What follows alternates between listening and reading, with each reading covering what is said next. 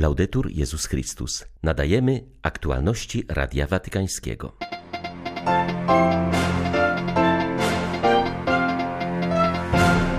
O potrzebie uważnego słuchania jako warunku dobrego dziennikarstwa przypomina papież w ogłoszonym dziś orędziu na Światowy Dzień Środków Przekazu. Franciszek odwzajemnił dar Lionela Messiego. Przesłał mu koszulkę Watykańskiego Klubu Sportowego. Messi to człowiek wiary. Wspólnie modliliśmy się za jego rodzinę i kolegów, mówi biskup Gobiar, który w imieniu papieża spotkał się z argentyńskim piłkarzem. W obliczu zagrożenia rosyjską agresją katoliccy biskupi Polski i Ukrainy wspólnie apelują o pokój. 24 stycznia witają Państwa ksiądz Krzysztof Ołdakowski i Beata Zajączkowska. Zapraszamy na serwis informacyjny. Słuchanie jest zdolnością serca, która umożliwia bliskość. Napisał papież w opublikowanym dzisiaj orędziu na 56. Światowy Dzień Środków Przekazu. Jego głównym tematem jest słuchanie. Bezgraniczne pragnienie bycia wysłuchanym stanowi jedną z najważniejszych potrzeb człowieka i jest niezbędne w komunikacji międzyludzkiej. Słuchanie w relacji do Boga jest darem łaski oraz aktem, z którego rodzi się wiara.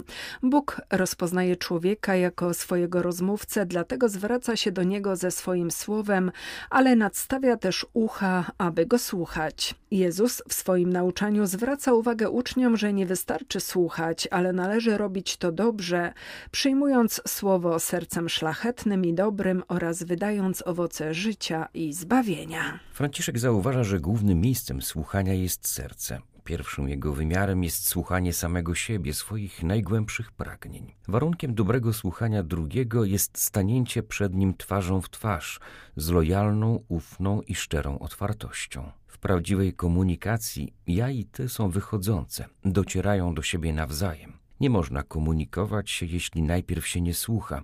Bez tej umiejętności nie ma również dobrego dziennikarstwa. Słuchanie większej ilości głosów pozwala ćwiczyć się w sztuce rozeznawania, która polega na zdolności orientowania się w symfonii wielu głosów. Wymaga ono cierpliwości i zdumienia. Kiedy łączy się z szerokim spojrzeniem na świat, pozostaje ubogacające, ponieważ zawsze można nauczyć się czegoś od innych i wykorzystać to w swoim życiu. Papież zaznaczył, że umiejętność słuchania społeczeństwa jest szczególnie ważna w czasach zranionych przez pandemię. Wzrosło dzisiaj znacznie zapotrzebowanie na przejrzystą i wiarygodną informację, która nie ogranicza się do cząstkowych wiadomości służących potrzebom władzy albo manipulacji opinią publiczną. Ojciec Święty podkreślił również znaczenie słuchania historii migrantów, którzy nie są liczbami, ale mają konkretne oblicza i niosą na swoich barkach wiele cierpień i nadziei na przyszłość.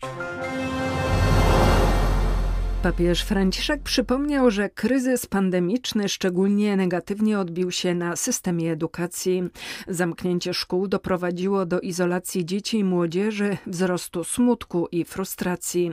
Spotykając się z siostrami ze zgromadzenia kanoniczek świętego Augustyna, które w Rzymie przeżywają swą kapitułę generalną, zachęcił, by szukały nowych dróg dotarcia do młodych w ich codzienności. Ojciec Święty nawiązał do charyzmatu zgromadzenia, którym jest troska o edukację młodych pokoleń. Wskazał na znaczenie formacji do wiary, sprawiedliwości oraz troski o potrzebujących. W krajach, w których pracujecie, zachęcam Was do bycia uczennicami misjonarakami oraz wspólnotami nadziei i radości, ponieważ wielkim ryzykiem w dzisiejszym świecie z jego wieloraką i przygniatającą ofertą konsumpcji jest smutek rodzący się w chciwym i przyzwyczajonym do wygody sercu, towarzyszący poszukiwaniu powierzchownych przyjemności oraz izolującemu się sumieniu innych. Kiedy życie wewnętrzne zamyka się we własnych interesach, nie ma już miejsca dla innych, nie liczą się ubodzy. Drogie siostry, na temat waszej kapituły wybrałyście pakt edukacyjny. Jest to ogromna zachęta do przemyślenia na nowo możliwych dróg dotarcia do młodych w ich codzienności, by przyczynić się do rozwoju integralnego. Scopo di contribuire al loro sviluppo integrale. Lionel Messi otrzymał koszulkę watykańskiego klubu sportowego z papieskim autografem i błogosławieństwem. W ten sposób Franciszek odwzajemnił się swemu rodakowi, który w październiku przesłał mu swą koszulkę z autografem za pośrednictwem francuskiego premiera. Argentyński piłkarz gra bowiem w barwach Paris Saint-Germain. Papieski dar przekazał mu biskup Emmanuel Gobilar, który angażuje się w duszpasterstwo sportowców, a we francuskim episkopacie jest odpowiedzialny za przygotowanie Olimpiady w Paryżu w 2024 roku. Z Messim spotkał się wczoraj po meczu Paris Saint-Germain-Reims. Obecny był również Neymar da Silva Santos, brazylijski piłkarz i klubowy kolega Messiego, który otwarcie świadczy o swojej chrześcijańskiej wierze. Argentyński napastnik był bardzo zadowolony z papieskiego daru. Biskup Gobilar pomodlił się z nim za jego rodzinę i przyjaciół. Dobrze wiem, kim jest Lionel Messi dla tysięcy jego kibiców na całym świecie. Jest to człowiek wiary, człowiek, który się modli, powiedział po spotkaniu francuski biskup. Jest on przekonany, że to spotkanie odbije się szerokim echem i będzie miało znaczenie dla ewangelizacji. To ważne, aby Kościół był blisko sportowców, dodał biskup Gobilar. Nieludzkich praktyk nie można mylić z miłosierdziem, podkreślają włoscy lekarze katolicy w mocnym apelu przeciwko eutanazji, która jest procedowana w tym kraju. Manifest Stowarzyszenia Włoskich Lekarzy Katolickich przypomina, że misją lekarzy jest ochrona życia, a nie zadawanie śmierci. Wyraźnie piszą: Nie będziemy zabijać ani decydować o tym, kto powinien dalej żyć, a kto powinien umrzeć. Zalegalizowanie eutanazji eutanazji będzie oznaczać koniec naszej cywilizacji, mówi Radiu Watykańskiemu przewodniczący stowarzyszenia Filippo Maria Boscia. Lekarz nie może zgodzić się na promowaną przez eutanazję kulturę śmierci, którą próbuje się nobilitować hasłami o miłosierdziu i rzekomym współczuciu. Nie możemy pozwolić, by zanegowano nasze powołanie, którym jest leczenie, a nie odbieranie życia. Co innego jest pozwolić komuś umrzeć, gdy jego życie dobiega kresu, a co innego celowe zabicie go. Zamiast promować eutanazję, we Włoszech trzeba zreformować system służby zdrowia. Brak opieki paliatywnej i niewydolność systemu popychają ludzi do stwierdzenia: pomóżcie mi umrzeć. Właśnie w takich sytuacjach, zamiast oferować eutanazję, musimy nieść pomoc, czułość, bliskość i dotyk braterstwa gusto e l'odore di fraternità.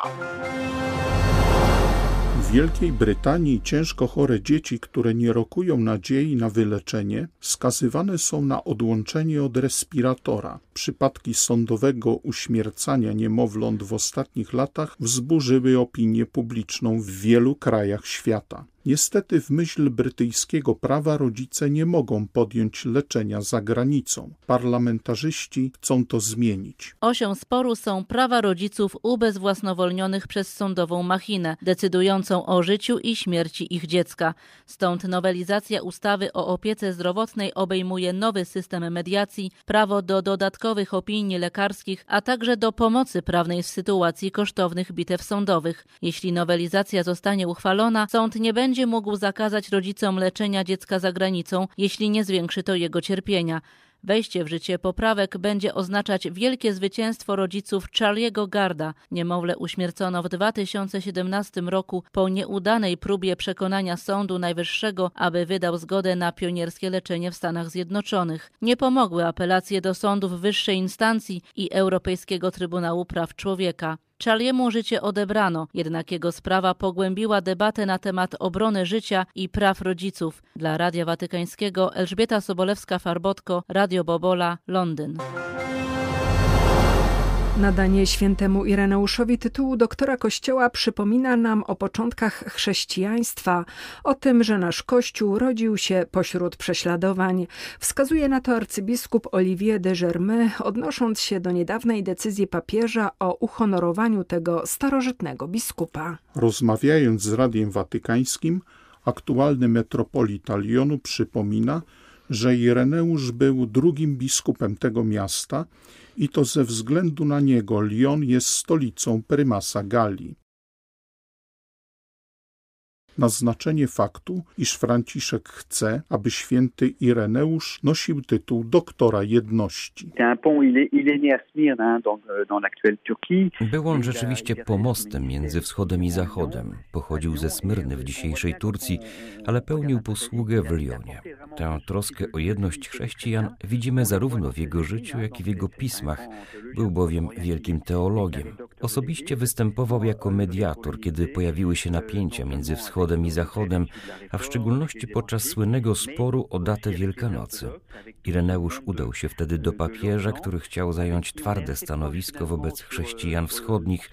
Był w tej sprawie prawdziwym mediatorem i dlatego również dla nas jest zachętą do podejmowania starań o przywrócenie jedności chrześcijan. Ale jest coś jeszcze.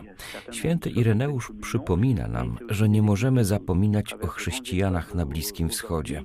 Przechodzą dziś oni przez ciężką próbę. Z tymi chrześcijanami musimy nawiązać bliższe relacje. Do tego zachęca nas wszystkich ogłoszenie świętego Ireneusza doktorem jedności. De l'unité. Nie poprawia się fatalna sytuacja w Birmie. Zablokowana jest pomoc humanitarna, której celem było dotarcie do jak największej liczby przebywających w tymczasowych obozach dla wewnętrznych przesiedleńców. Wielu chrześcijanom grozi śmierć z rąk wojskowych. Potrzebujemy działań, a nie zapewnień o zaniepokojeniu, mówi ksiądz Celso Baszłe. Jak przekazał wikariusz apostolski Lainkaw, Junta dąży do eliminacji partyzantów, których 70% stanowią młodzi chrześcijanie, którzy postanowili walczyć o swój kraj. Wojsko używa wszelkich możliwych środków, aby ich zniszczyć, opisuje sytuację duchowny. Odgłosy walk i ostrzał artyleryjski słychać dzień i noc. Ciągle latają samoloty hunty wojskowej. Nie ma energii i internetu, ulice są puste i ciche, w mieście została jedynie garstka ludzi. Od ostatniej soboty ponad 40 tysięcy mieszkańców uciekło z miasta z powodu ciągłych ataków bombowych i starć między siłami wojska a ludowymi siłami obrony. Wszystkie 16 parafii jest opuszczonych, a w katedrze nadal przebywa 200 przesiedleńców. O powstrzymanie się od działań wojennych w związku z narastającym napięciem na granicy rosyjsko-ukraińskiej zaapelowali do rządzących biskupi katolicy Polski i Ukrainy. Okupacja Donbasu i Krymu dowiodły, że Federacja Rosyjska, naruszając suwerenność państwową i integralność terytorialną Ukrainy, odnosi się w sposób lekceważący do obowiązujących zasad prawa międzynarodowego, czytamy we wspólnym apelu. W oświadczeniu stwierdzono, że sytuacja okupacji przez Rosję części terytorium Ukrainy i gromadzenie wojsk u granic tego kraju jest dla krajów Europy Środkowo-Wschodniej oraz całego kontynentu europejskiego wielkim zagrożeniem, które może zniszczyć dotychczasowy dorobek wielu pokoleń budujących pokojowy ład i jedność Europy. Zaznaczono, że każda wojna jest nieszczęściem i nie może być nigdy odpowiednim sposobem rozwiązywania problemów międzynarodowych. Biskupi podkreślili potrzebę poszukiwania alternatywnych wobec wojny sposobów rozwiązywania konfliktów. Obecna sytuacja domaga się od chrześcijan tradycji wschodniej i zachodniej pełnej odpowiedzialności za teraźniejszość i przyszłość naszego kontynentu oraz gotowość ponoszenia ofiar w obronie wspólnoty rodzinnej, narodowej i państwowej, napisali biskupi obrządku łacińskiego i grecko-katolickiego Polski i Ukrainy. Z Warszawy dla Radia Watykańskiego ojciec Stanisław Tasiemski, dominikanin. Były to aktualności Radia Watykańskiego. Laudetur Jezus Chrystus.